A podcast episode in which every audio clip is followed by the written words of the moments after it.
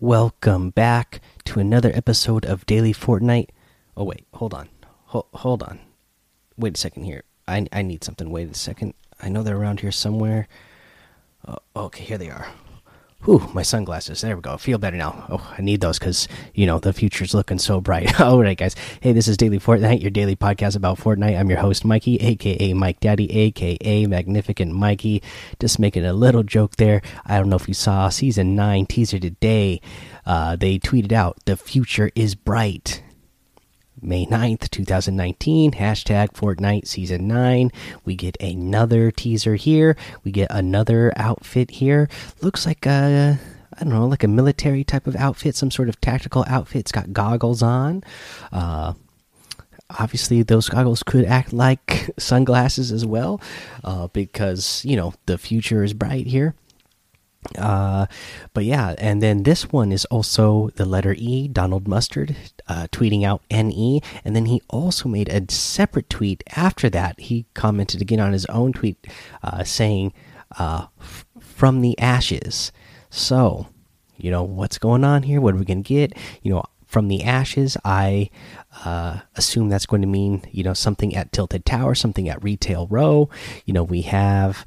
Um, a couple of teasers now and so we're talking about the future is bright. So i'm thinking like a futuristic theme maybe. Uh, maybe we'll get new futuristic cities built at uh, tilted towers and retail row since you know they're just talking about from the ashes. That's maybe where this stuff is going to be. I have no idea but i'm just making some guesses here. Very fun very exciting. I really love uh, I always love these little ramp ups and teasers that we get uh, from season to season. So, uh, yeah, having a lot of fun with those. Again, guys, next time you're on Fortnite, make sure you're wearing those sunglasses because, whoo wee, that future is bright. All right, let's get into a week 10 uh, secret banner. We've gone over the challenges. So, the week 10 secret banner, you're going to find that over in, let's see here, E4 uh, in Loot Lake, uh, kind of in the area where the little you know that little round structure is where the event happened kind of in the northwest corner of that uh, portion of loot lake is where you're going to find it and uh, it's as simple as that. Uh, you're just going to go land there and pick up that secret banner and boom hopefully you know you've been listening to the episodes all along the season so you'll have all of your challenges done. You'll have found all the secret stars. You will have found all the hidden banners and hopefully you are tier 100 if you have that battle pass that way you will have everything unlocked. That way all you have to do from the here on because remember once you get uh, once you unlock items in your battle pass all you have to do at that point is uh, you know, do the whatever challenges those items have.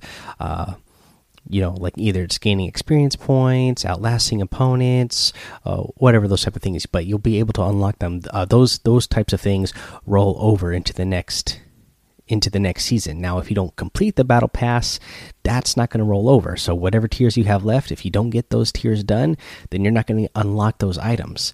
Uh, but if you get to tier 100, uh, you know, some of them have more selectable styles that you just have to unlock the selectable styles. Those are the things that roll over that you can keep working towards. So, hopefully, you at least get yourself to tier 100 if you uh, happen to have the battle pass. Uh, okay, yeah. So there's that. Uh, there's the news. There's uh, the week ten uh, tip for challenges and secret banner. Uh, we'll take a little break here. Come back. Let's go over the item shop and our tip of the day. All right, now let's go over the item shop today. I really like what's in the item shop today. We got a couple of new outfits, uh, and they're you know green. Green level outfits here, so I, I like that. That they're not too expensive on the V Bucks here. We got Aura. Get the goods in style. I really like the way she looks. I like her backwards hat. She's got braids. Uh, I like the gold necklace. Uh, you know, she's got some sort of uh, arm bracelet on. Uh, you know, she's all about that money. She's got those uh, all that gold all over the place, some treasure bags on her hip, uh, pretty cool. And then we also have Guild on the path to riches. This is the Guild outfit, backwards cap, skull on the sides, some really cool tattoos. Uh, yeah, he's got a knife on this side, uh, rope and hook on the side, so he's ready to do some uh, searching for treasure. So yeah, pretty awesome. I, I like this guy too. Let's see here, guys. What else do we have today? We have that Fate outfit. I've always been a big fan of Fate, uh, the Fated Frame Harvesting Tool, and the Split Wing Glider. We also have that Omen outfit. Uh, fan of Omen and the Oracle Axe Harvesting Tool. Again, big fan of that one. Let's see here. What else do we get uh, in the daily items? We got that Stage Slayer outfit, that Flying Carp glider, the Dream Feet emote, the Hypernova outfit, the Peely Pick harvesting tool, and the scorecard emote. So, a lot of really good items in the item shop today, guys. If you're going to get any of those items, I'd really appreciate it if you use that creator code Mike Daddy M M M I K E D A D D Y in the item shop uh, because, again, I do appreciate it and it does help support the show. Now, let's see. Let's go ahead and do uh, our tip of the day, and I'll do a couple of them uh, here. Uh, first up uh, is the tip uh, of the actual gameplay tip, and that is that um, to we have the drum guns drum guns back in the game, and uh, my tip is that you use multiple drum guns. Uh, that means carry more than one. Carry two of them at a time because these things they have a big magazine size. Uh, but they and they last a long time. Uh, so if you carry two of these, maybe even three of these, uh, you know you don't have to worry about reloading after after you run out. Uh, you just switch over to your next one. Uh, there's not really much of a delay, and uh, just keep spraying your enemy. Uh, you know if they are built in a one by one, this is going to they're going to have no chance at you know keeping you out of their box because especially if you go to a corner and you can focus you can focus two different walls uh, pretty simultaneously just going back and forth just a little bit to make sure that you hit uh, both walls. Uh, and then you know take over one of the walls uh, replace replace it or just uh, or just run in there uh, as soon as you can uh, after the wall breaks and just keep spraying with the drum gun. Uh, yeah, pretty awesome. And then this works really good if you're in duos and squads uh, because of duos you can uh, do two different walls from two different uh, sides, so they're not going to be able to keep you out. Or if you you know if you're a squad and you come up across uh, a single player that you the whole four of you can coordinate against, you know there's no way that they're going to be able to keep out four of you at the same time. So you're just going to be dominating players. And then even when you're doing duos on squads maybe carry multiple. Like you know you have two you know when you're doing duos you have two people. And uh, you know so that means you'll have you know four uh four drum guns total.